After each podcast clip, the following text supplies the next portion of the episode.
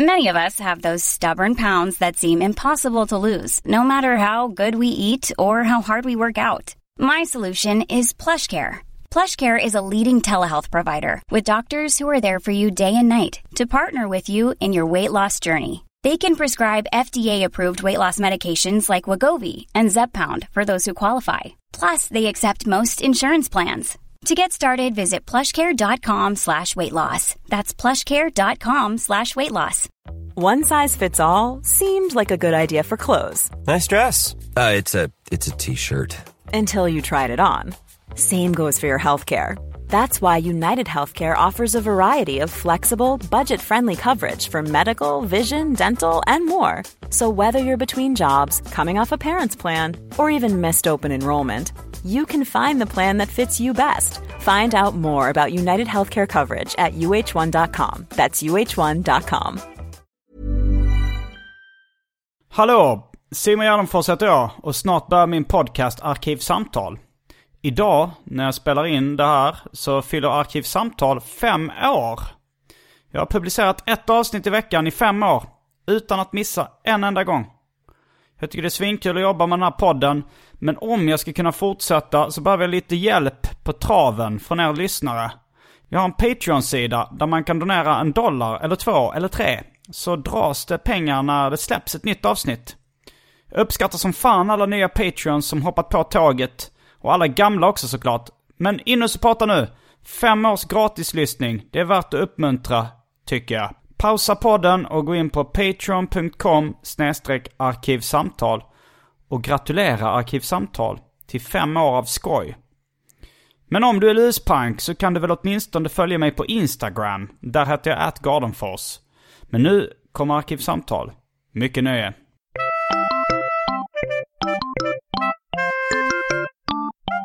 Hej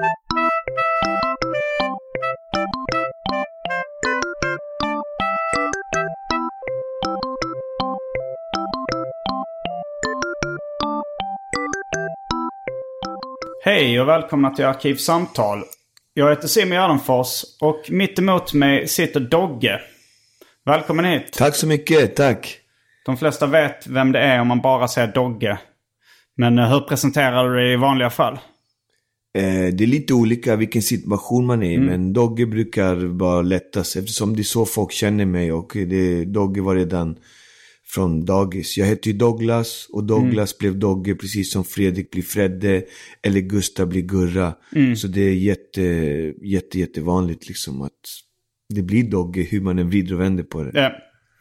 Och sen Doggelito är då Lille Dogge Exakt spanska. på spanska. Eftersom eh, pappa är från Venezuela, Karibien, så alla som pratar spanska med dem sa alltid Doggelito eller Doggelin när man var liten, då, alla spansktalande. Så när jag började rappa, då skulle man ha någon sån här speciellt rapnamn. Och eh, då visste jag inte vad det skulle heta. Det hette allt från DLB till MC Insane till, du vet, Zoom, allt. DLB, vad står det för? Eh, Douglas Leon B-boy typ. Inte Botkyrka. Ja, eller Botkyrka eller, eller Bengtsson också, vi brukar skoja. Du heter inte Bengtsson? Nej, jag heter inte Bengtsson. Vad heter, vad heter, eller din mamma lever eller? Hon är, ja, min mamma lever, hon heter Östborn, Eastborn Östborn på svenska? på svenska. Ja, för hon är helt svensk. Hon är helt svensk, min mamma är helt svensk. Och då, då skulle man ha någon sån här namn och då ville jag ha min svenska del, Dogge, och min karibiska del, Doggelito. Och då satte jag ihop dem och då blev det Dogge Doggelito. Och det var, så har det alltid varit och det blev mitt artistnamn så att säga. Jag tror eh, vi, vi direkt kastar oss in på eh, det omåttligt populära inslaget Välj drycken.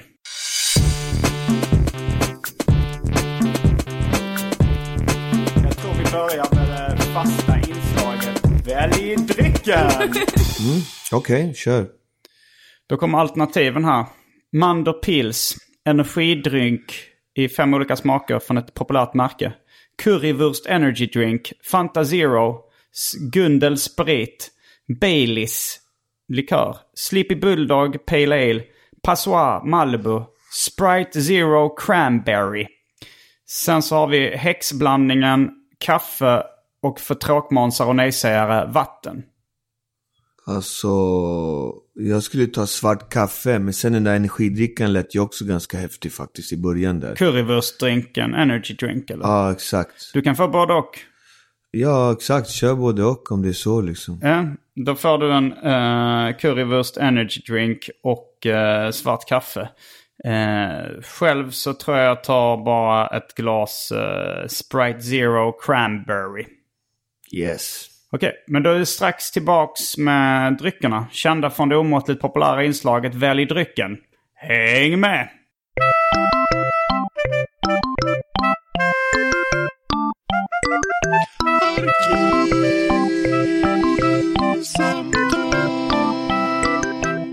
Då är vi tillbaks med dryckerna. Dogge tar just en klunk av currywurst energy drink. Helt sjuk skum drink. Vad tyckte du, ty- tyckte du om den? Det smakar som en indisk restaurang. Den borde mer smaka som en tysk korvmoj. Ja, faktiskt. Men, Men... eh, men curryn var lite starkare än wursten, men wursten kom sen. eh, och eh, jag dricker cranberry sprite. Okej. Det, det är folk... Currywursten har någon skickat till mig. Okej.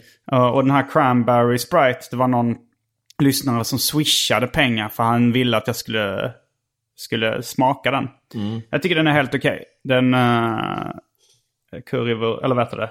Cranberry sprite. Det är inte min favorit zero-läsk.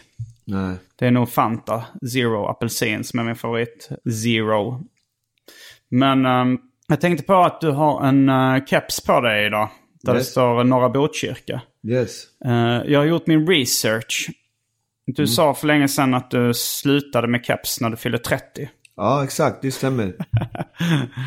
Det stämmer rätt bra. Men jag började med keps igen när jag fyllde 40. Jaha, du gjorde det? Eftersom jag fick massa kepsar när jag fyllde 40. Och eh, Visste inte folk som kände dig idag att du hade slutat med keps? jag tror jag sa det i några intervjuer sådär liksom. För att de frågar alltid vad är kepsen? Vad är kepsen? För de sen, såg mig alltid med keps.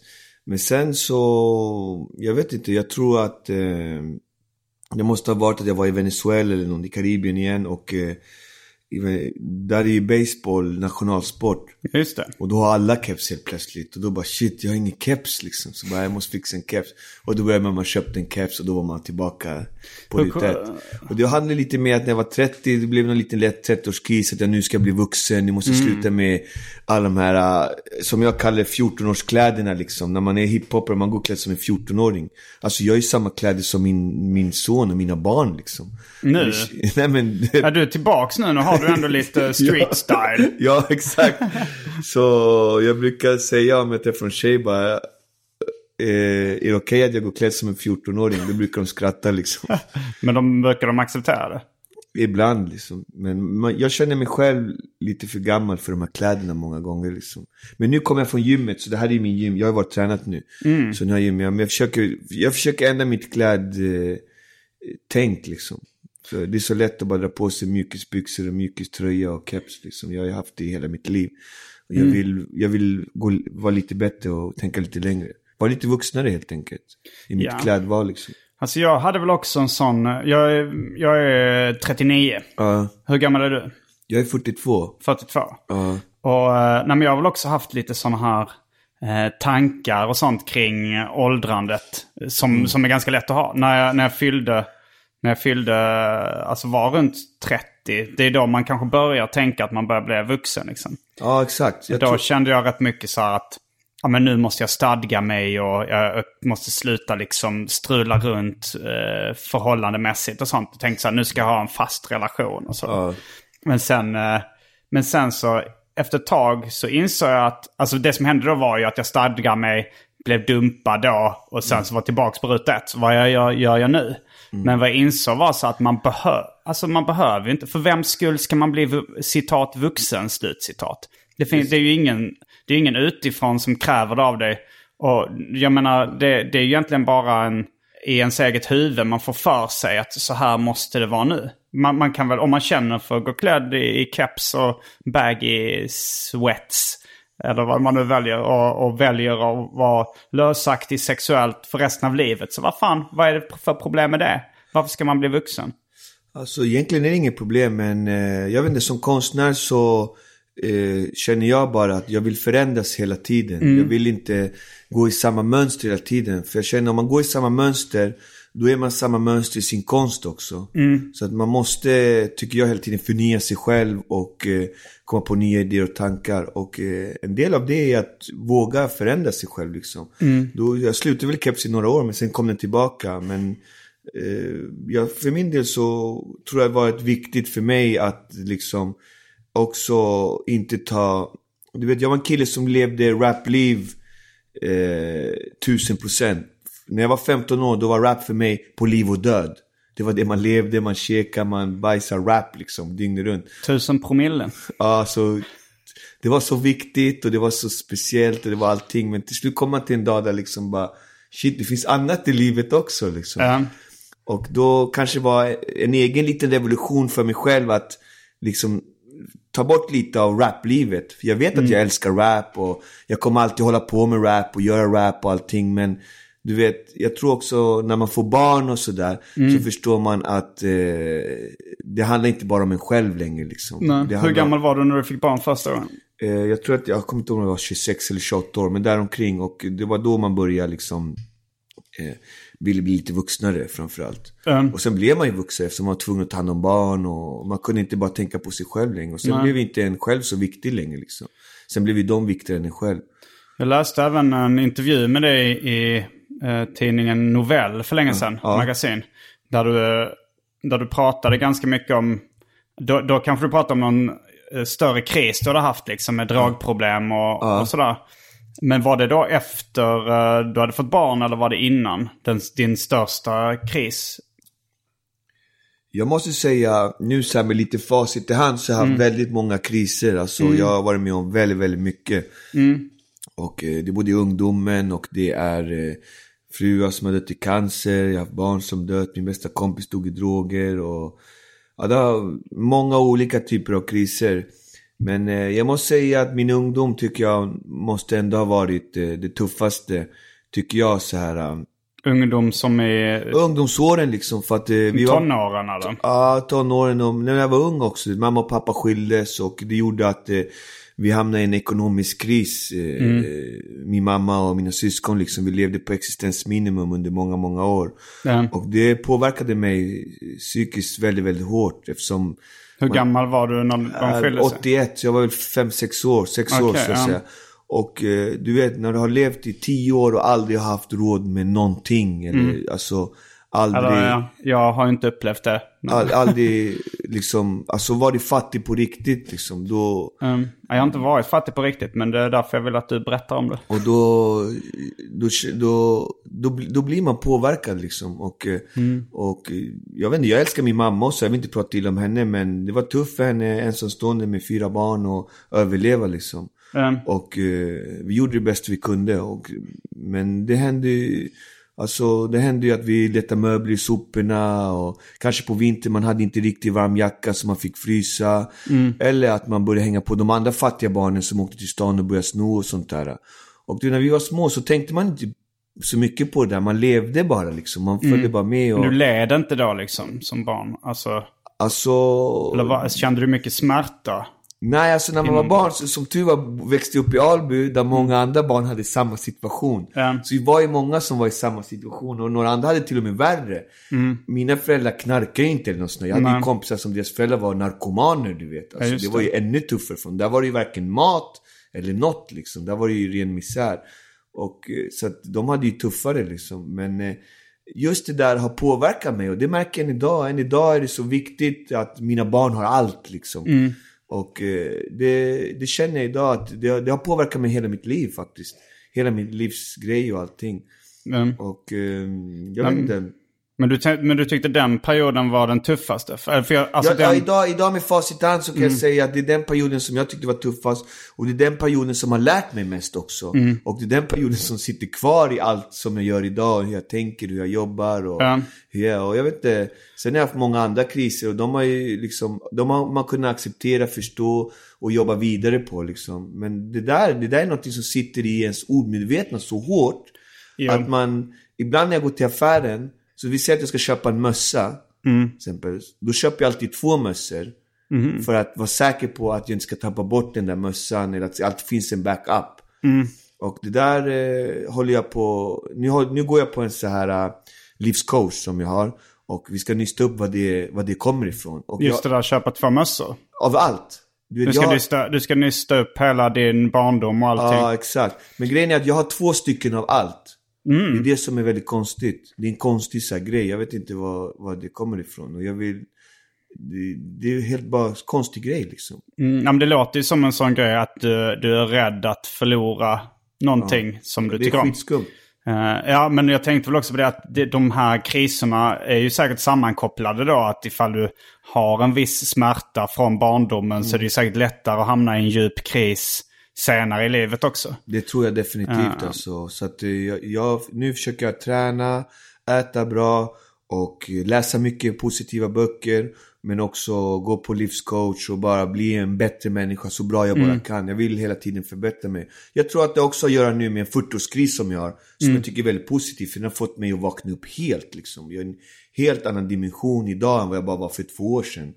Och jag känner mig jätteglad över det. Och uh, våga ta tag i de här frågorna. Du vet, jag har ju aldrig gått till någon så här psykolog, livscoach. Jag bara, äh, pass för det där typ. Det där är inget för mig liksom. Jag behöver inte gå på sånt där. Men då har jag kommit till en ålder när jag kan tycka så här, åh vad kul ändå att få prova på det här. Vad är det här för något? Jag har till och med hört mig själv säga att jag ska börja på yoga. Och vi får se när det börjar med det också. För jag är verkligen ingen sån där snubbe. Jag gillar mer boxning och sånt där. Men jag tror yoga och sånt eh, eh, kan vara bra för sådana som mig. Och det är ju killar som Tuffingar till exempel. Jag följer Paolo Roberto på eh, sociala medier. Och jag tycker han är skitcool för att han rekommenderar yoga och sånt där. Och jag tror att när någon som han säger det till mig, då blir det mer mottaglig. Än om det är en sån här yogatjej som bara ah, men Dogge du borde gå på yoga. Även om hon är skitsnygg och allting. Så känns den så äh yoga, jag vet inte du vet. Men nu kan mer relatera till en machoman som Ja, säger eller någonting. Och nu kan man känna så att ah, nu vill jag göra det och utveckla det och bli en bättre människa liksom. Så jag tycker det, jag tycker jag växer hela tiden. Så att jag vill bort från alla de här, äh, vad ska man säga, demonerna man har haft liksom i livet. Mm. Som har varit, funnits där liksom. De, de ska sudda ut nu och så ska jag knyta upp varenda knut så gott jag bara kan. För att bli en bra och supermänniska. Har du, du eh, dricker inte ens alkohol idag eller? Nej, nej, inga alkohol. Jag vill bli någon champagne här och där, absolut. Men eh, inga alkohol, inga cigaretter, inga droger, ingen, Ingen festa, marijuana. ingen marijuana, ingenting. Alltså, för min del så, det starkaste jag dricker är svart kaffe. Mm. För du är ändå eh, associerad med, alltså speciellt marijuana. Att din hund hette Rissla till exempel. Det är, ju- det är ju ingen slump. Nej, det blev, uh, han, det grejen var att om man kollar på hunden så hade han som en joint mellan ögonen sådär. Så som Mm. en vit joint som gick mellan öronen. Och då såg det ut som ett risslapapper liksom. Mm. Men då du rökte aldrig regelbundet eller? Nej, man, man var väl ute och turnerade med när man var ung och, och hängde på gården och provade grejer Mm. liksom så här. Men jag kan inte säga att jag... Jag är nog en kille som aldrig var fast riktigt i droger. Man testade för att alla andra gjorde liksom, när de gjorde. Men jag har aldrig, för min del så, droger har aldrig varit min grej. Men jag ska inte säga att jag inte har testat. Det är klart jag har testat alla möjliga droger liksom. Men i den här eh, intervjun som jag läste med dig i uh, magasin Novell. Då, eh, om jag minns det rätt, så, Ja. så sa du då att du hade liksom, att du tog kokain under varje dag, liksom flera gånger varje dag under en lång period, liksom under den här krisen. Ja, det kan stämma att jag eh, fick någon kris och eh, bara mådde skitdåligt. Och då tog man till sig allting som bara kom i ens väg. Och då kanske det kom mm, olika typer av droger. Men Det var, men jag fick intrycket att du bara låg hemma och snortade liksom under en ganska lång period då liksom och var verkligen fast i det. Mm, Fast jag tror mest att under den perioden så var det mycket whisky och sånt där. Det kan ha whisky, kokain, marijuana, kan vara lite allt möjligt faktiskt. Eh, hur lång var den här liksom? eh, Alltså jag hade en fru som gick bort där och eh, mådde väldigt, väldigt dåligt. Så jag låste in mig, drog ner persiennerna och bara mådde dåligt. Alltså stäng, stängde av hela världen i stort sett och bara gick in i något mörker och, och gick in i mig själv. Och eh, var det då du bröt kontakten med resten av bandet då, Latin ja, Kings jag också? bröt kontakten med Latin Kings, jag bröt kontakten med min familj, jag bröt kontakten med... Även dina barn alltså? Ja, jag hade, på den tiden hade jag bara en dotter Mm. som var två år då. Så att jag hade inte alla mina barn då. De var inte ens födda. Men vem tog hand om henne under den Eh, Jag hade, hennes mormor hjälpte till då. Så Mm. att hon bodde i, de- under den tiden hos sin mormor eftersom jag mådde väldigt, väldigt dåligt. Det var väldigt tufft. Hela Mm. Och min grej. Och hur lång tid var det ungefär liksom? Var det... Ah, Jag vet inte om jag ska säga om det var några månader eller om det var ett år eller någonting. Oj, ja, det, då var det ändå rätt rejält liksom. Ja, det var, man, man mådde inte bra liksom. Man gick runt i ett vakuum och jag visste ju inte om jag ville leva längre och såna här grejer. Liksom. Jag kände bara att hela livslusten bara försvann och jag kunde inte prata med någon riktigt så här liksom. Man, man orkade inte lyssna på någon. Det var mer så här bara, jag pallar inte du vet. Jag bara, Nej. Alltså man, man... Jag vet inte vad som hände egentligen. Det var nå en otrolig djup depression och Mm. demoner som bara tog över en. Och, Eh, jag bara tänkte att om det här låter som en, ett riktigt helvetesperiod liksom. Men, det var eh, det alltså. Det var, det var hemskt för att jag var på toppen av min karriär och vi stod och sjöng med Latin Kings på Ullevi. 59 000 åskådare och allt var fantastiskt. Mm. Men samtidigt låg min fru på sjukhuset och håller på att dö i cancer liksom. mm, Och eh, efter Göteborg så satt jag med bilen och åkte direkt till Stockholm och kom in till sjukhus med min dotter under armen och eh, ja, vi sa hej då till mamman och så gick hon bort. Och hela den perioden när hon var sjuk och allting. Det hur, klarade hur lång tid var liksom den perioden, Ja, sjukdomsperioden? Jag vet inte om det var, jag kommer inte ihåg alltså. Först och främst var allt det idag väldigt stor dimma. Mm. Jag brukar prata med min mamma om det, att eh, jag kommer inte ihåg så mycket. Så jag brukar fråga henne hur var det och Mm. så För att allt blev en dimma. Jag var i chock i liksom, under hela den perioden. Så jag minns inte så mycket av den perioden. Nej, jag tror depression kan göra det också, att det påverkar minnet. Ja, alltså jag, jag var i så chock. Mm. Men fortsatte leva och gjorde allt jag skulle göra. Uppträdde och gjorde allting. Men sen när hon väl gick bort. Mm. Då kom den här stora, som en knockoutslag bara, en depression. Mm. Och det var då jag bara började ta, dricka upp all sprit hemma och bara blev så destruktiv. Mm. Och bara letade alla droger jag kunde få tag i och bara, jag sket i vad jag tog egentligen. Mm. Och eh, det handlade inte om att jag var beroende av en drog. Jag ville bara ha något för att döva allting, döva ångesten Mm. så att säga. Frågan är vad, vad man ska göra i en sån situation. Alltså man, om man har så mycket ångest att man inte knappt orkar leva liksom. Man måste ju, men, men kanske är det då att man kanske bättre att, att låta Ja. en läkare eh, berätta hur man ska döva ångesten. Ja, jag liksom- skulle ju gått till en läkare, fått någon typ av medicin kanske, eller ha, haft så här bra stöd liksom, gå någonting. Jag, sk jag skulle haft det, men jag är en sån här person som aldrig går till någon eller något, du vet. Det är så här, Ja, det handlar om en stolthetsgrej liksom. jag, du kommer, känner- jag kommer aldrig gå och, och få hjälp av någon. Jag vill inte ha hjälp av någon. Jag funkar så som person. Så Men att- har du, inte- nu har du ju börjat gå till livscoach. Ja, så. exakt. Det är det som är så Du har häftigt. att. Jag kommer till den insikten att börja liksom förstå att eh, jag kanske också behöver hjälp liksom på vissa Mm. saker. Jag är inte perfekt liksom. Och, men det krävs en viss mognad för att eh, våga göra det tror jag liksom. Mm. Jag kommer från en sån generation där man man reder sig bäst själv och man klarar sig bäst själv och går rakt på ryggen och man ska inte fråga andra eller ta hjälp av andra och så är det bara liksom. Mm. Och det, jag, jag är den generationen och eh, så har det alltid varit. Mm, det är skönt att det håller på att förändras. Ja, det, som- Eller jag märker det till och med med, med mina kompisar. Så, alltså så här att, att eh, många i min ålder, som, alltså jag har kompisar som är typ fem år yngre och tio år yngre. Men att de, att då, det finns vissa som lever kvar lite i det här machogrejen också. Mm. Att, att de tycker att så här, att killar inte ska gråta till exempel. Nej, och, och sådana saker. Medan Nej, det får man jag, absolut inte göra. jag, du gör inte det ens? Eller? Jo, klart jag gråter. Jag gråter som alla. Jag gråter och bajsar som alla andra. Men alltså, jag tror inte man... jag tror inte man fick gråta när man var liten liksom. Fick du inte det? Då fick man bara mer stryk. Åh, jävlar. sen var det var många så här grejer att man...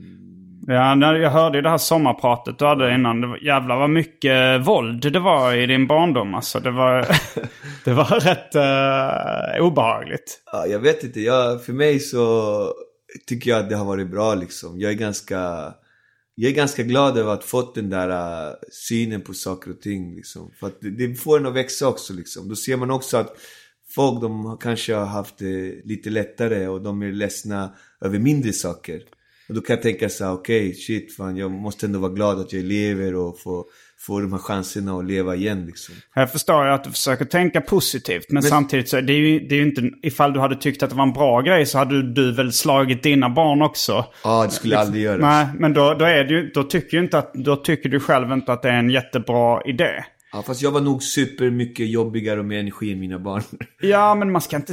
Det är väl inte bra att slå barn som har Nej, hög alltså- energi heller? Nej, nej, man ska absolut inte slå några barn. Jag, Nej, jag vill inte väl- representera någon barnnagel eller något. Jag är emot det. Ja. Men jag kan, jag kan säga så här. Om jag skulle säga när jag var liten att jag skulle börja på yoga till exempel. Mm. Då skulle jag bli mobbad garanterat av allt och alla. Ja. Jag kommer från en sån miljö liksom. Jo, jo. Och idag, idag är världen annorlunda liksom. Idag kan en kille gå på yoga och det är inget konstigt.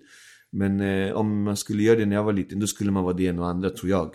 Ja, men det, det, är också, det är också på något sätt, eh, alltså så här, nu när man är i 40-årsåldern så kanske man, alla blir, de flesta blir ganska mycket mer trygga i sig själva. Mm. Alltså så här, jag kan ju göra saker, jag skulle kunna börja på yoga eh, även, och, och liksom säga det och, så, och tycka det var rätt roligt. Ja. Eh, även om jag inte är sugen på det just Nej, nu. exakt. Men jag menar, om det, även om jag, jag tror att även om jag hade kommit från en, en ganska öppen uh, uppväxt så hade det varit töntigt i alla fall. exakt, att det yoga, det ju. liksom, eller, Och där vill man ju inte vara liksom. Man vill ju inte vara töntig eller man vill ju vara Nej. med i gänget liksom. eh, Så då håller man sig borta från det, saker som man inte får vara med i gänget. eh, Så det, jag vet inte. Så jag tycker, jag tycker det är skönt att få vara vuxen och komma till de här insikterna liksom. Mm. Det, det känns... Det känns befriande på något sätt. Jag har ju fortfarande inte gått dit. Jag har bara sagt att jag ska göra det. Så vi får se vad som händer när jag har varit där. Men jag kommer att göra det det här året i alla fall. För det här är året som jag ska förändras helt och eh, skapa nya grejer och bli bättre eh, konstnär och, och fortsätta och spotta ut grejer och sådär. Så jag vill verkligen förnya mig själv. Jag, jag känner det och nu känner jag mig stark och det känns bra. Allt det där, alla de här livskriserna som har varit, de är verkligen förbi för min del. Jag är en annorlunda person idag och det, det känns skönt att bara kunna säga det här och, och nu liksom. Det, det är viktigt också för mig. Det har varit så mycket knas alltså. Det, mm, jag har förstått det. Också på det här sommarprogrammet, man har ju bara 43 minuter att välja ut saker. Mm. Det är så mycket, mycket mer som man inte har kunnat eh, dela med sig liksom. Man fick ju välja vad man skulle ta liksom. Och sen kan man ju inte säga allt heller, för vissa saker är ju så jobbiga att liksom, det passar sig inte ens i Sveriges Radio liksom. Okej. Så det... Har du någonting som passar sig i Arkivsamtalen? En podd som jag inte behöver passar inte sig? dra upp någonting nu men det, det har hänt mycket saker på vägen, på livets väg för min del och sådär. Mm. Och det är därför jag är glad att jag fick sjunga och kunde sjunga och göra det. Musiken fick mig att glömma allt mitt knas som man säger. Mm. Liksom. Så att jag är glad att jag fick, eh, fick den här gåvan att hålla på med musik. För, för min del så har det räddat mig i så många avseenden. Alltså musiken, Mm. Jag har aldrig sett mig själv egentligen som någon rappare. Jag har aldrig sett mig själv som någon duktig musiker eller någonting. Alltså jag, jag såg mig själv alltid som till exempel boxare när jag var liten. Jag ville bli svensk mästare i boxning. Det var min största dröm. Sen kom rappen och så var det bara någon på vägen. Det var Rigo, Infrid Mass, Rodde då som bara Hej, ni måste få med rap-SM, jag anmäler er. Så anmälde han oss och så bara var vi med typ och så kom vi trea. Och då bara shit fan, jag är trea i Sverige i rap liksom. Vad ska jag göra nu liksom? Ja men då får jag satsa på det här kortet. Så det var inte meningen egentligen att jag skulle bli rappare. Jag skulle bli något helt annat. Jag, för min del så, jag gillar ju sång och vill hålla på och sjunga salsa och det. Men det var ju så här bara dröm liksom. Sen ja, hamnar man i det ett bananskal. Men jag tror ju på Gud så allting har en mening. Musiken räddade mig i många avseenden. Alltså att inte hamna snett. Att när de andra skulle gå råna eller göra något dumt så bara nej jag är på väg till studion. Jag minns så många gånger sådana här stunder. Nej jag måste till studion göra den här låten. Och jag tackade nej till knasgrejer på grund av att jag hade studion och kunde gå och spela in. Så det, musiken har räddat mig. Det, tack och lov, musiken är otrolig alltså.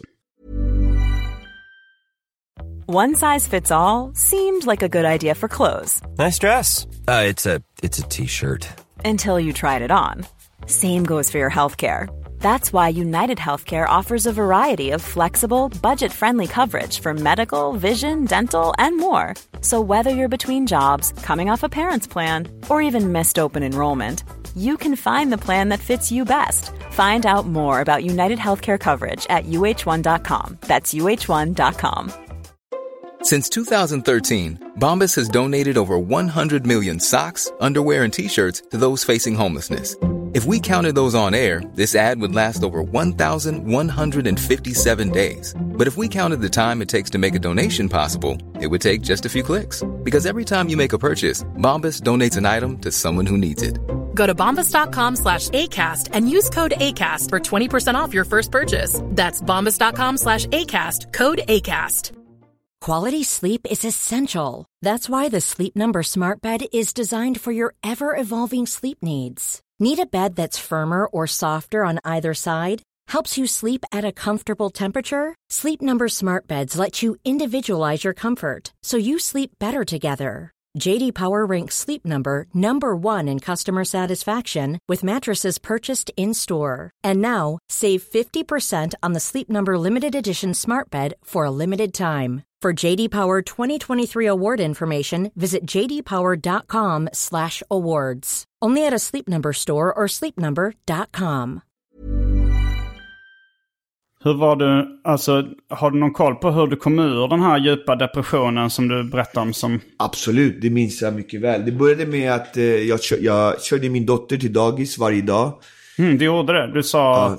För, för det, du, jag tänkte att du bröt kontakten med alla du kände. Liksom, Ja, jag bröt så. kontakten, men jag hade ju min dotter. Hon var ju... Men hon var den enda som du träffade då? Eller? Ja, exakt. Hon var ju den som jag älskade och, och hade liksom och levde för. Hon var två år då? Jag tror hon var två och ett halvt eller något. Men du sa att hennes mormor tog hand om henne lite också? Ja, eller? hennes mormor hjälpte jättemycket, Mm. inte lite, ganska mycket faktiskt. Eftersom jag var väldigt ledsen. Men jag Mm. körde henne till dagis varje dag fram och tillbaks. Och eh, hon, bodde, hon gick på dagis som var ganska långt på. Det tog väl 40 minuter, en timme. Mm. Och efter tre år... Och du gjorde det även när det var som värst? Liksom, Ja, jag du- grät hela vägen till dagis, Åh, i bilen Mm. och grät hela vägen hem typ. Men sen en dag så sa hon så här. Hon bara, pappa, först är man ledsen, sen blir man glad. och du vet, när hon sa sådär liksom, då, Mm. då, då hände någonting inom mig. Då bestämde jag mig inne, shit så här, vad säger hon liksom? Och då, då, det var då jag bestämde mig bara, nej, nu måste jag börja leva igen. För att om jag inte lever för mig själv måste jag i alla fall leva för min dotter och ta hand om henne och göra det bästa för henne. Och det var då någonstans jag började liksom forma tanken att liksom komma tillbaka och, och liksom göra min egen grej och bygga nya Doggelito om man säger. Och då i samma veva så knackade det på min dörr så här. Och då kom min farsa in och bara jag har skilt mig. Kan jag bo hos dig några dagar? Jag bara visst så här. Hur gammal var han då? Jag vet inte hur gammal han var. Det var väl... Det kan man säkert räkna ut. Ja, men kanske om du, du det- var runt 30 eller var du 40? Nej, du var 30 någonting. Nej, Jag kommer inte jag är så sämst på bokstäver. Jag bara, bara vill ha en bild av den här mannen. Om det är en 60-årig man eller om det är en... han var väl kanske 55. Mm, okej, ja. var, var, hur gammal var? Det var ju 10 år sedan säkert. Någonting. Mm. Eller var det 15. Men då, då bara, visst så här, kom in liksom. Och jag hade alltid drömt om att få bo med min pappa. För Mm. de hade ju skilt sig när jag var sex år.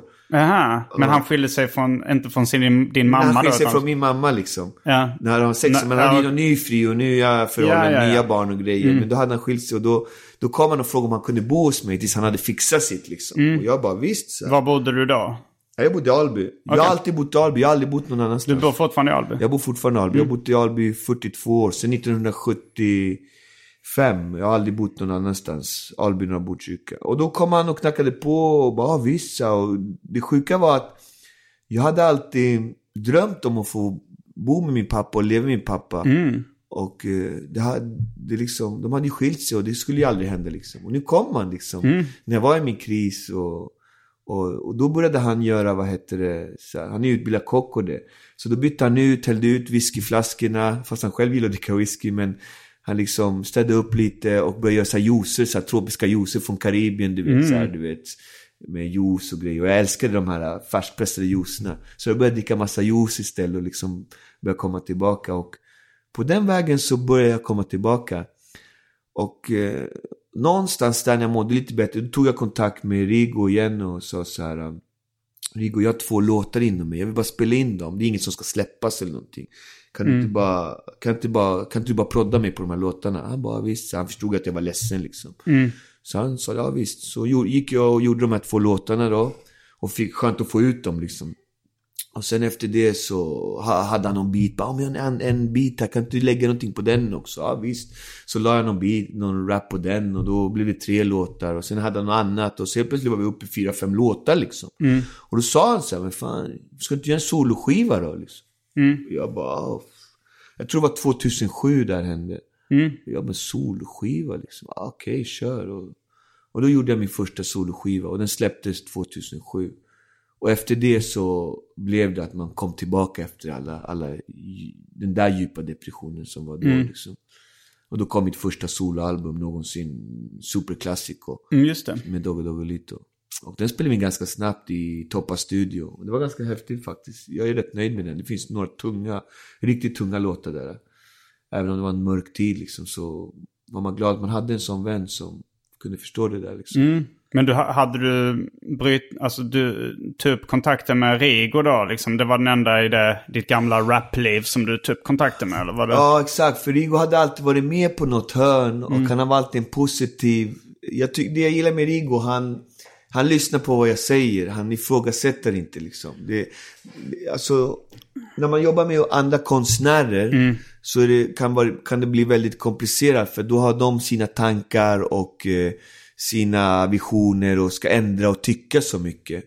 Och de kan lätt förstöra en, ett konstverk som man säger, som man har liksom. Ja. Och i mitt fall så hade jag de här låtarna inom mig. Jag Ja, visste ju vad jag ville ha, vad jag ville göra. Jag visste ju vad jag skulle göra. Det här, så här ska det vara, så här ska det låta. Och där har jag alltid kommit bra överens med Rigo på något sätt. Han är alltid så okej då kör vi och så kör vi. Och han jobbar skitsnabbt. Så att man får ut låtar, man tycker ut dem och så är de klara. Och det är inte så mycket vad han tycker. Det blir så som jag tycker med. Sen kanske han kan säga vissa grejer som man följer med. Så att han och jag har faktiskt jobbat väldigt, väldigt lätt ihop. Liksom. Det var lite tuffare med Latin Kings. Då var det fyra viljor som skulle tycka och tänka. Och det blev ju aldrig som man själv ville, så att säga. Nej. Och det tror jag också var viktigt att på den här sologrejen, att få utlopp för sin egen kreativitet. Jag tror det är väldigt, väldigt viktigt som konstnär. Det känns som att Rigo är en väldigt hjälpsam person. Jag lyssnade på en intervju med, jag tror det var Husty B och Blizzy från uh, Ghetto Superstars. Alltså de, är, de är tonåringar nu liksom. Och då berättade de också, jag tror fan det var Rigo som hade liksom hjälpt dem och varit extremt... Uh, sådär bara eh, plockat upp och gett dem pengar för gig och skjutsat och liksom varit såhär... Exakt. Eh, Han är en väldigt bra lyssnare och det, det vinner man mycket på. För att när man är en bra lyssnare då vinner man själv mycket på det tror jag också. Än att man bara ska köra sitt eget race hela tiden.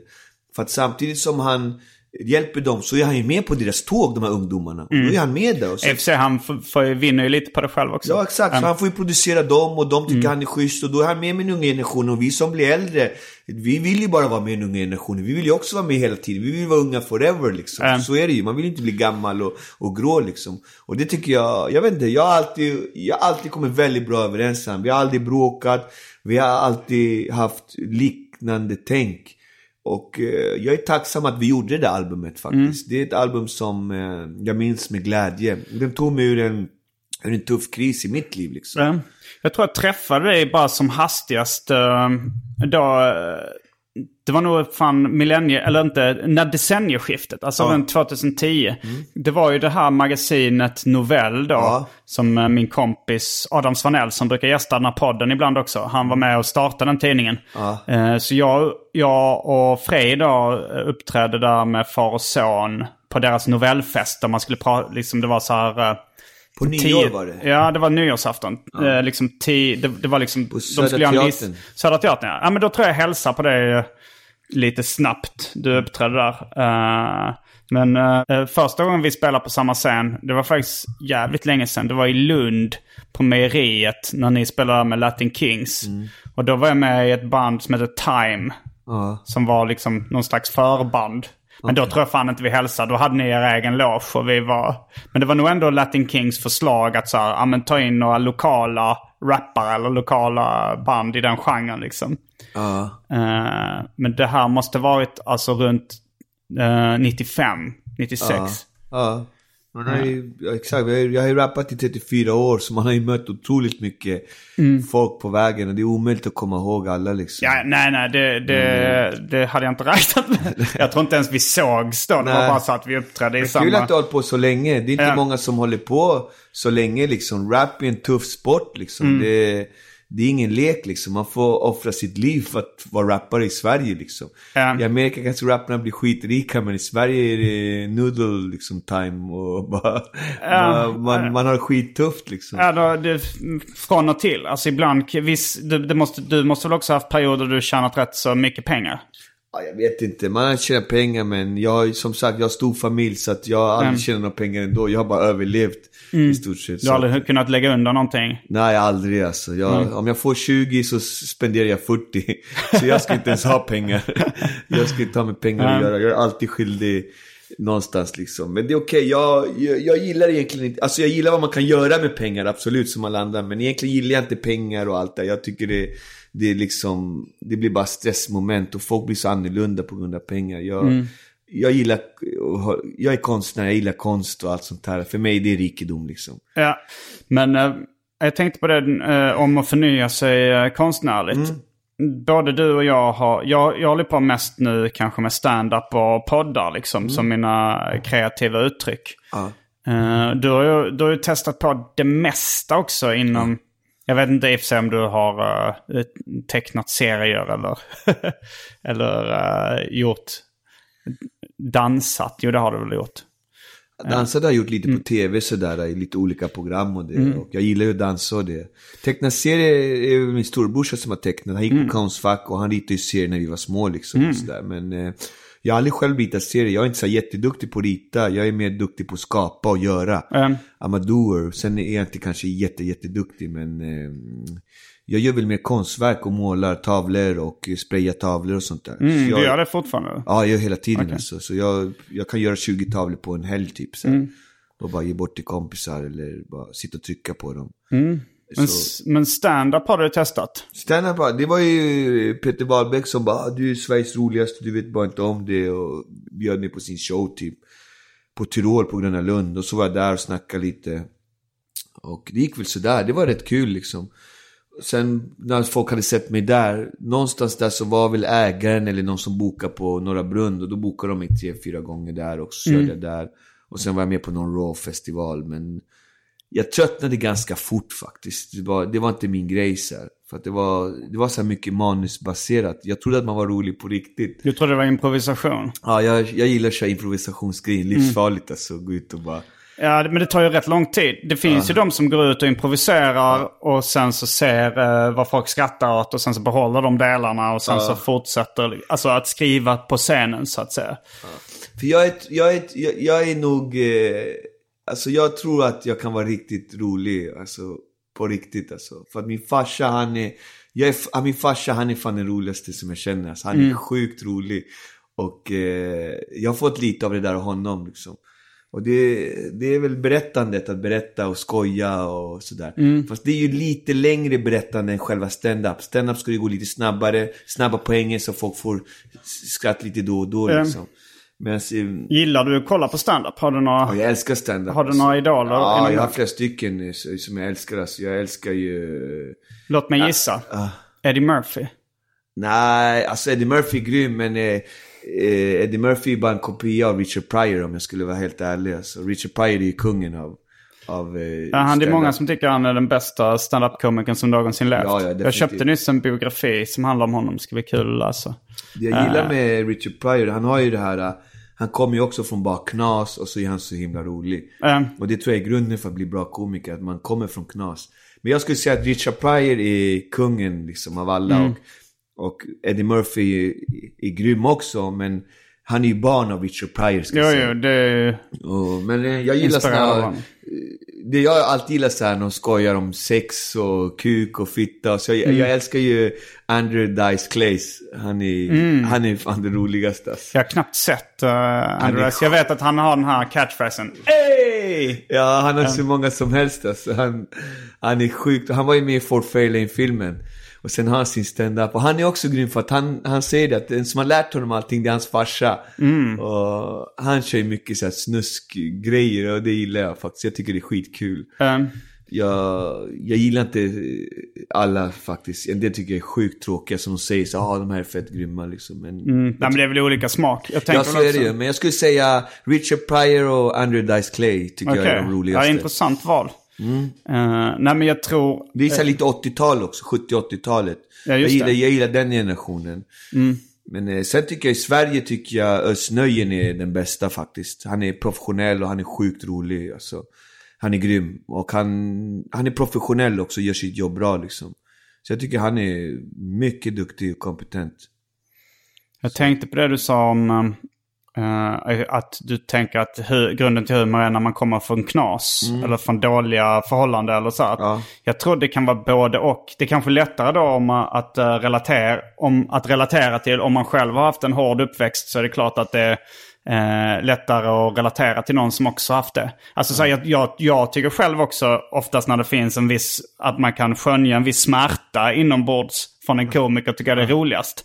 Men sen kan jag tycka så här, jag har ju skrattat svinmycket åt eh, Jesper Röndahl till exempel som berättar att han aldrig, han, han har aldrig haft ångest i hela sitt liv. Och han liksom verkar inte ha haft svårt för fem öre. Men, eller låt säga Jerry Seinfelds tv-serie är ju jätterolig tycker jag. Även om han verkar vara rätt ångestbefriad person och liksom inte har haft en svår uppväxt eller något sånt där.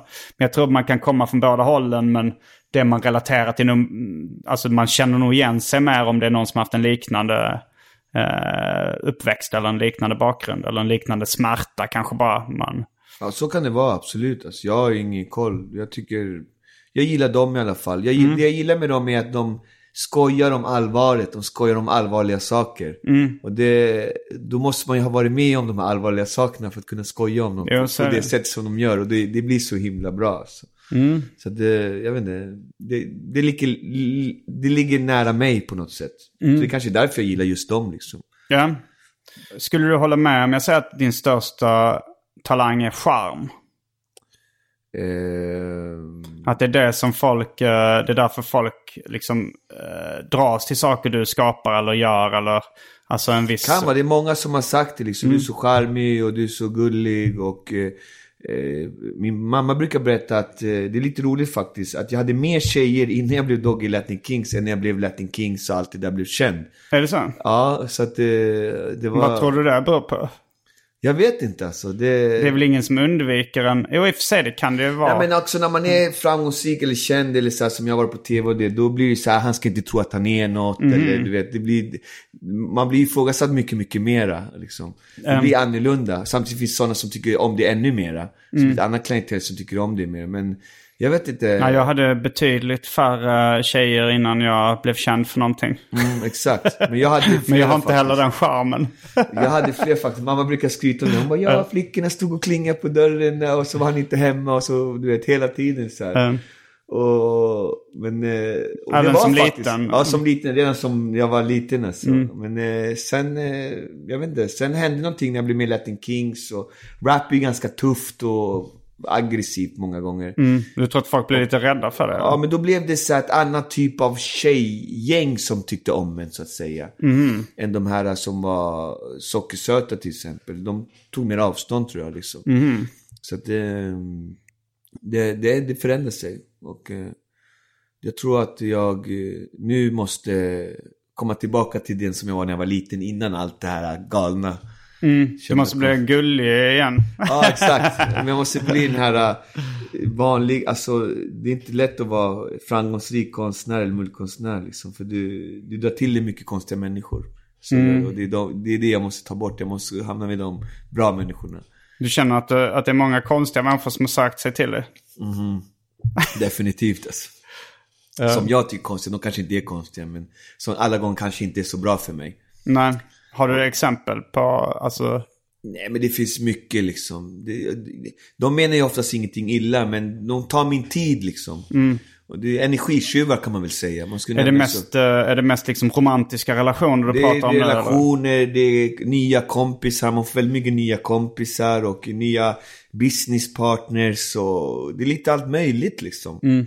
Lite allt möjligt folk som dyker upp här och där och det, det är en del av det här spelet som man gör liksom. Men eh, jag måste, nu för tiden så känner jag att jag vill utveckla mig själv. Jag måste bygga en bra grund i mig själv och för att jag vill, eh, jag vill göra en ny era med min konst och det liksom. Och där är att jag vill måla mera och jag vill bli bättre entreprenör för mina grejer liksom. Jag har liksom inte fått utlopp för min målande och mitt skapande så mycket. Jag har inte haft tid med det för att jag slösar så mycket tid på många andra människor liksom. Och eh, där vill jag bli bättre. Eh, vad jag tänkte på när jag hörde också det här sommarpratet. eh, att det, det var ju så väldigt mycket våld då. Liksom både, ja, men, jag vet inte om det var båda dina föräldrar som eh, du fick stryk av. Och, eller om det var bara farsan. Och, det, det var väldigt mycket våld i liksom, barndomen och, och uppväxten. Liksom. Har du själv blivit våldsam av det? Nej, jag tror inte det. Jag vill bara mest bli skrikig och bråkig kanske. Så här. Men jag vet inte, jag brukar säga att karibenier, vi har mycket så här, eld. Men man ska inte ta det så mycket vid sig liksom. Det kan vara så här, "Ah", skrik med händerna och någonting så här. Sen är det inget mer med det liksom. Medan folk kanske tar det mera personligt många gånger. Nej, men jag tänkte på det här att du, du nämnde i förbifarten i sommarpratet också att du hade slagit poliser. Mm, ja, absolut. Det hände också. Det var väl, jag vet inte om jag var 19 eller om jag var 22 eller 28. Jag kommer inte ihåg hur gammal jag var. Var det det du hamnade i fängelse för? Exakt, det var det jag hamnade i fängelse. Då var det att vi skulle gå ut på någon klubb och kom inte in och så blev vi sura, det blev någon bråk med någon vakt och sådär. Men det löste sig liksom. Så gick vi därifrån och då kom polisen och stoppade och då var det någon polis som bara jävla svartskalle typ. Jag bara vad säger du? Du vet? Du ska bara vara tyst jävla svartskalle. Då sa jag så här. Och på den tiden så höll jag på med boxning redan då och var ganska duktig boxare, talangfull boxare, ung så här. Och det var ju det där mellanläget när jag skulle sluta med boxningen och börja rappa. Och hade redan börjat rappa och sluta med boxningen, men jag hade väl tränat lite och så här. Och då sa jag någonting så här, men om du säger så en gång till, då kommer du få en box liksom, sa jag till poliserna. Och då sa han så här, du ska bara vara tyst jävla svart. Och då blev jag så jävla lax, och bara BAM! Drog till någon smäll typ på en. Och då Var du hoppa- nykter då? Nej, nej, jag var nog inte nykter. Mm. Och då hoppade en annan polis in och då bara poff, slog han också. Och det blev ju raka vägen till häktet och sen sedermera blev det fängelse för det. För misshandel då eller? Våld mot tjänsteman. Våld mot tjänsteman. Och det blev eh, fyra eller fem årens fängelse. Men... Eh, Kom det tog, du ut efter tidigare eller? Ja, det tog så lång tid mellan straffet, mellan brottet och straffet. Mm. Eh, innan de var klara med allting. Så jag satt väl bara en månad eller någonting Mm. till slut. hur, På hur, Asptunaanstalten. En, vad var det sa du? På Asptuna-anstalten i Mm. Botkyrka. Botkyrka har ett eget fängelse som heter Asptuna. Hur var det då att, att sitta i fängelse? Jag har liksom väldigt vag bild av hur det är i Sverige. Man baserar det mest på amerikanska fängelsefilmer. Ja, alltså jag satt på klass 4 anstalt och en kaffevolta som de brukar säga interna. Så jag hade det väl rätt bra. Det var bra för mig att det hände på ett sätt. För där skrev jag också albumet i Mitt kvarter med Latin Kings. Och, eh, Var det inte tvärtom att, alltså jag har mig att det var det andra albumet som kom efter, alltså jag läste en intervju med Latin Kings då. var, så här var det, att Skuggan av betongen, Det är det andra albumet. Välkommen till förorten första. ja, Mm. Och andra albumet, den kvällen när det här hände, vi var ute och firade det albumet. Vi hade precis skrivit ett kontrakt med Terje Engen Aha. och fått en miljon kronor. Med vem? med Terje Engen, då hette de Mega Records. Aha. Jag tror att det var Ace of Base-pengarna. Jag tror Aha. att Ace of Base hade sålt så Ni hade 18 fått miljoner. en miljon kronor i, i budget eller liksom? Ja, för- eller någonting för att göra våran Skuggan av betongen. En. Och, och det slutade med hela festen. Det sista jag kommer ihåg var att jag drack en så här värsta drinken. Alltså det var ett elefantglas med bara sprit i på lilla Pakistan som låg på Fridhemsplan. Sen skulle vi åka in till Stureplan såklart när vi var så fulla och glada och där kom vi inte in. Och då blev det något tjafs med vakten. Men det löste sig liksom. Allt sig. Så sket vi det. Och på vägen upp på Kungsgatan någonstans.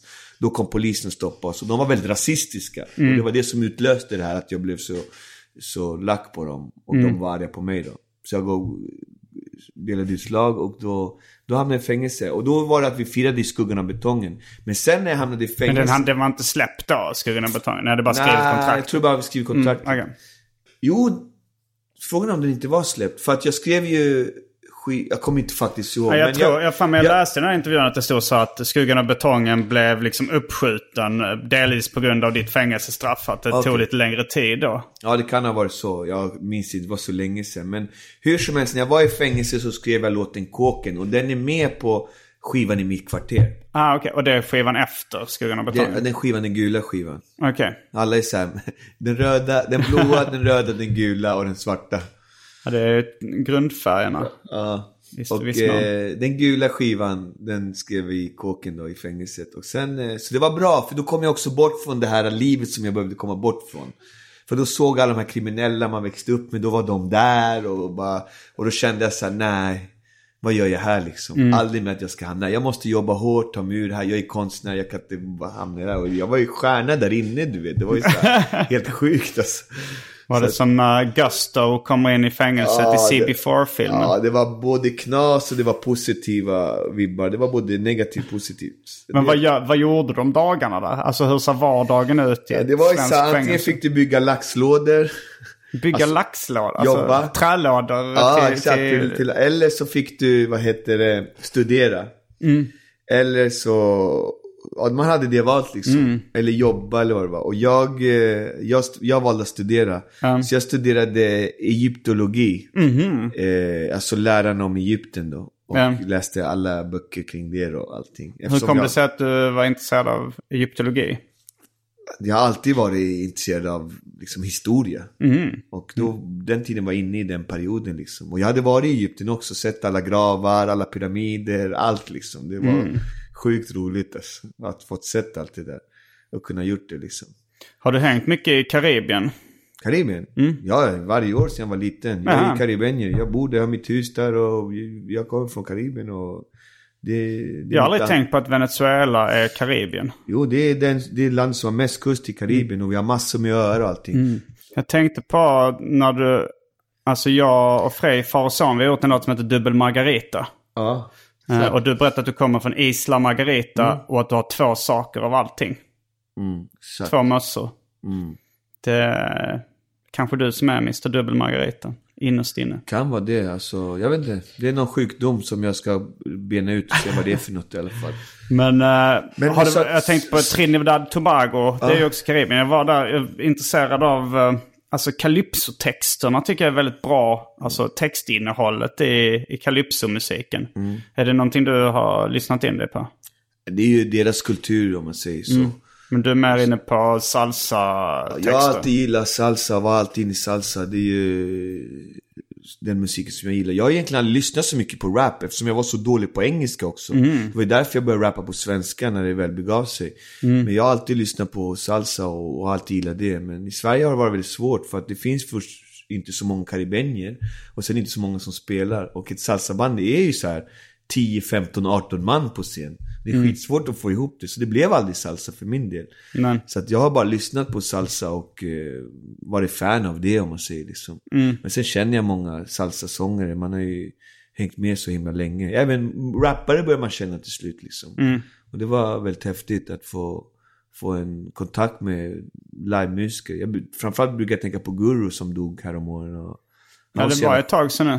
Men, eh, han var ju med i TLK-videon och allting. vad, vilken låt är Guru med? Han är med i TLK. Han presenterade Me Primo. Båda de presenterade den. Jaha. Och då började jag känna dem. Var, ladd, var de i Sverige då? Eller var De har varit i Sverige flera gånger. alltså. men, men alltså när ni spelade in det, när de presenterar... Ja, det spelade de in i Sverige på Berns.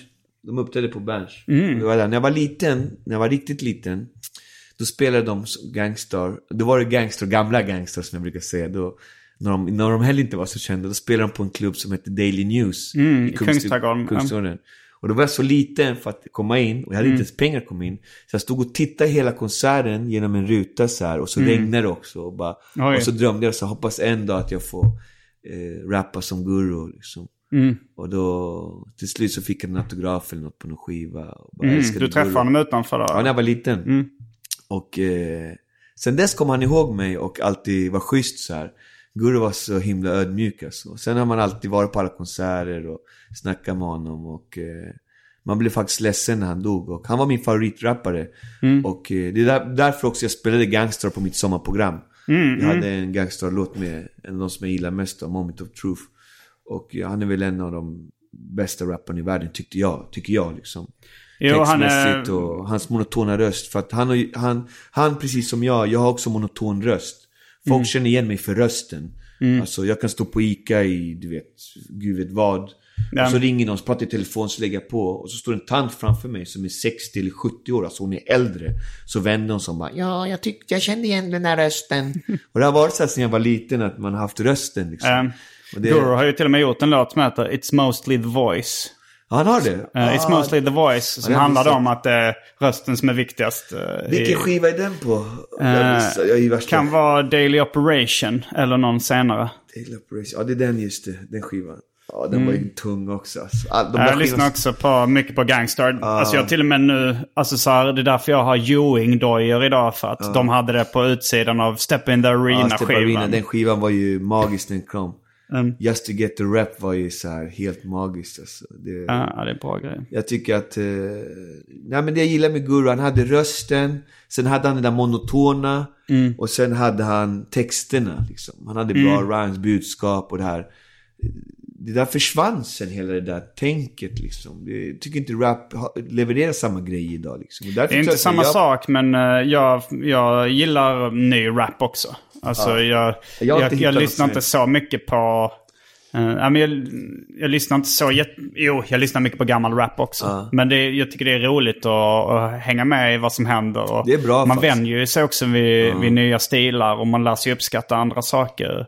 jag är nog lite gammalmodig, men jag, eh, för mig blev det att jag gled över till mer och mer salsa då liksom. Mm. Och då är det salsa från 70 80-talet som gällde. Så att jag är det rappen- mycket hjärta och smärta i texterna? I, Ja, mycket Mm. om livet liksom. De är ju som rap, salsa-stjärnorna, de är ju värre än rapparna. De har ju, de har suttit i fängelse, de har drogat, de har guldkedjor, det är kvinnor. Alltså de är, de är värsta stjärnorna och det är det som är så jävla häftigt, du vet. De, Mm. Man bara läser det storyn, man bara shit, det här är ju värre än Tupac, du vet. Det är så här, de är galna liksom. Och det, jag vet inte, jag, jag gillar det mer, för de, de har nästan mer texter om livet. För att när du blir äldre så blir rap, det, blir, det blev för mig någonstans töntigt. När jag var liten så eh, var de så sköt och massa folk på rapskivor och du vet, de var våld och hit och dit. Man lyssnade på gangsterrap och grejer. Och sen du vet, sen när man blir äldre bara, men shit, den här snubben han sköt 300 pers på sin skiva liksom. Och han bor i Amerika. Hade han ens skjutit en så hade de strömmat honom där i fängelset. Så det betyder ju att allt det han säger var bara ljug. När du börjar bli vuxen och börjar förstå, då bara, pass för det här. De här texterna är bara skit liksom. Ja, men jag tycker det är roligt. Det är ungefär på samma sätt som eh, man ser tv-serien eh, Sopranos. Mm. Det, det, då, eh, även om jag inser att det här är inte, det är inte James Gandolfini som har gjort det här på riktigt. Nej, så är exakt. det ju bra stories och spännande och lite roligt. På samma sätt som NWA. eh, det var ju eh, Ice Cube som skrev texterna till i alla fall den första skivan. Och han utbildade sig till arkitekt och kom från en övre medelklassfamilj. Ja, ja, men det, jag kollade ju upp det där någon gång att de bästa rapparna i världen, om man räknar så här Tupac och alla... Ja, Tupac var också ganska... Ja, exakt det jag säger. Ja. De bästa rapparna i världen, alla har gått på college och alla var utbildade. Det finns ingen sån här lowlife Nej. som, var, som blev bra rappare. Om man kollar vad de har för utbildning. Som tio bästa rapparna i världen, alla har så här värsta utbildningen. och det är det som är lite roligt. Ja, eh, ingen, det var ingen som ifrågasatte ifall NWA var gangsters på riktigt när jag växte upp. Nej, exakt. Eh, men, men i och för sig så hände det ju ganska nyligen med till exempel Rick Ross. Ja. Att, eh, att det kom fram att han hade, han hade jobbat som plit då på ett fängelse och ha, var, han hade ju en gangsterimage som var eh, fabricerad. Men när det kom fram, det var inte så jävla många som brydde sig heller. Även om det var eh, Nej. hyfsat tidigt i hans karriär. Men om man tänker så här, jag brukar tänka på Tupac, han var ju, alltså de är ju bra entreprenörer liksom. För de förstår vad folk vill ha och det är det de ger folk. Ja, alltså det. jag såg Tupac på Sten Sture, det fanns ett band som heter Digital Underground. Ja, ja. Humpty Dance. Hump, exakt, Humpty Hump med näsan och de uppträdde i Mm. Ja. sin studio. Och då hade de två dansare med så här eh, turkbyxor så här. Så här MC MC Hammer-byxor. Hammer-brallor, och en av dem var Tupac, så han stod där bak och dansade som värsta clownen typ. och jag såg allting och det. Och för man gick Alltså du sa honom i Sverige? Ja, i Sverige. Så man gick ju på, det var någon som intervjuade honom också. Och man, man såg ju alla rapkonserter när man var liten som man kunde. Och då var han ju så långt ifrån gangsterism som man kunde komma. Ja. Har du sett filmen? Det kom en film om Tupac Ja, jag nyligen. missade, jag var bjuden på det men jag kunde inte det datumet. Men sen dök ju han upp och blev gangster liksom. Och då såg jag eh, i en intervju där han sa så här, ja de vill ha gangst, gangsterrap och då gör jag gangsterrap. Så han förstod att liksom, han gav det folk ville ha. Och Ja. det var så han blev rik liksom. Så det var, han Ja, var men det var, också smart så, det var också så han dog. Ja, det var Det business var ju- liksom. Så han Ja, blev... han, han, eh, och han gick så mycket in för det så att han blev ju liksom eh, våldsam och eh, aggressiv och, och så kaxade han med fel, med riktiga gangsters och blev skjuten liksom. Ja. Så att det var, ju, det var ju, han blev både rik och skjuten på grund av eh, det valet. Skulle jag, om, om jag har tolkat saken rätt. Exakt. Ja, otroligt hur rap business är liksom. Jag, för min del så var det en del av min ungdom i alla fall att få hålla på med rap och det. Och jag tycker att eh, det var kul. Jag är tacksam att jag håller på med rap i Sverige och inte i Amerika eller någon annanstans. Här är ganska nice faktiskt. Här har vi tekniken för att kunna göra det man vill och man, man kan eh, med den här skolningen man har fått gått skolan kan göra bra låtar och bra rap och det, det tycker jag är häftigt. Så jag brukar säga att vi står ganska högt i, i kurs i rapvärlden. Tycker jag faktiskt. Liksom. Jag tänkte bara knyta ihop säcken lite eh, med... För, för vi pratade i början om, en av de första sakerna du sa i den här intervjun var att, liksom att eh, i retrospekt så var den svåraste tiden i ditt liv barndomen. Men sen, sen så liksom kom vi in på den här perioden som kanske var ett år efter din fru hade dött och du liksom eh, använde mycket droger och alkohol för att döva smärtan och sånt där. Ja. Om, om du var, alltså var det, här, var det här året, var barndomen ändå värre liksom än den här korta perioden? Jag nästan så här, jag tänkte "Åh, herre jävlar vad svårt det måste varit som barn då, om det var värre än en period där man liksom måste verkligen knarka och supa varje dag för att bara döva en sån stark smärta.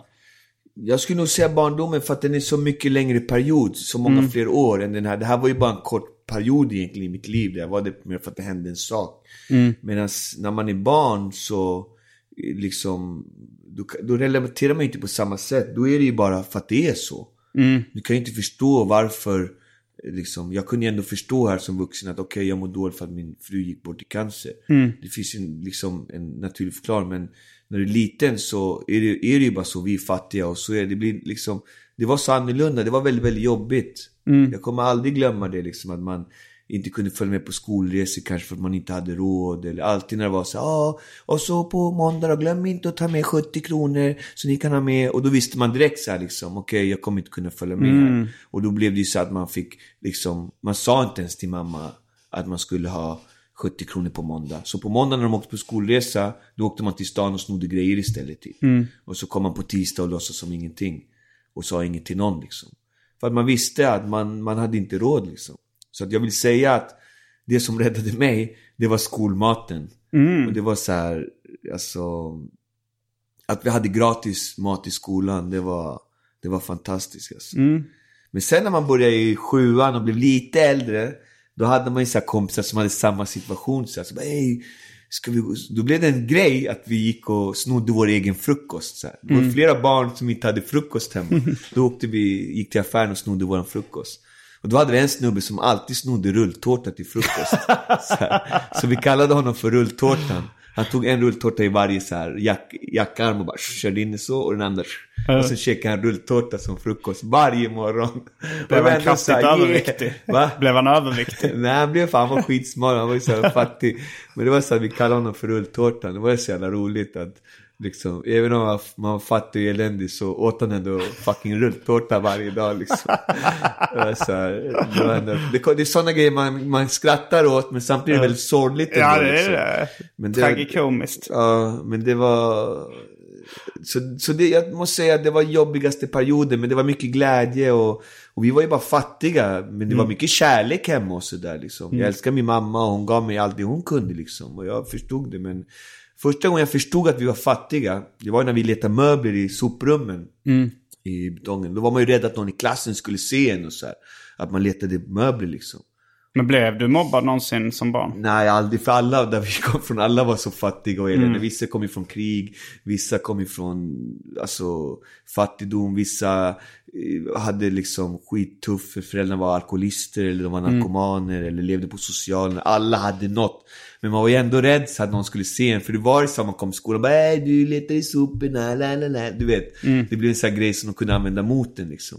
Så man var ju alltid rädd för sådana grejer liksom. Mm. När man var liten. Det var ju det man gick och tänkte på liksom. Men men idag kan man ju skratta åt allt det där liksom. Det... Åt han en hel rulltårta? Ja, han åt en hel rulltårta. Till frukost varje dag? Ja, och lyckades ändå bli smal? Ja, det var en, ja, i och för sig. En annan... Annan Jag vet inte om han var fel utan han åt fucking rulltårta som rulltårta. Alltså, jag, grejen är att jag har tusen sådana här stories alltså. Det, vi kommer aldrig glömma det alltså. Vi gjorde så mycket grejer när vi var små, alltså det var så sjukt alltså. Men idag kan jag skratta åt det, men när man väl var där, det var en jobbig tid många, många gånger alltså. Speciellt när man snodde och åkte fast och du vet, poliser och socialen och allt det här. Det var tufft. Ja, ibland ser jag några som har överlevt och vi brukar skratta åt och, så, här, och några har gått riktigt bra för. Oftast de som var bäst att sno, det var de som gick bäst för nu också som vuxna liksom. Kompisar från förr. Ja, exakt. Några lyckas och några dör. Och med de orden avslutar vi veckans avsnitt av Arkivsamtal. Jag heter Simon Gärdenfors. Det här, är Doggy Doggelito. Fullbordat samtal.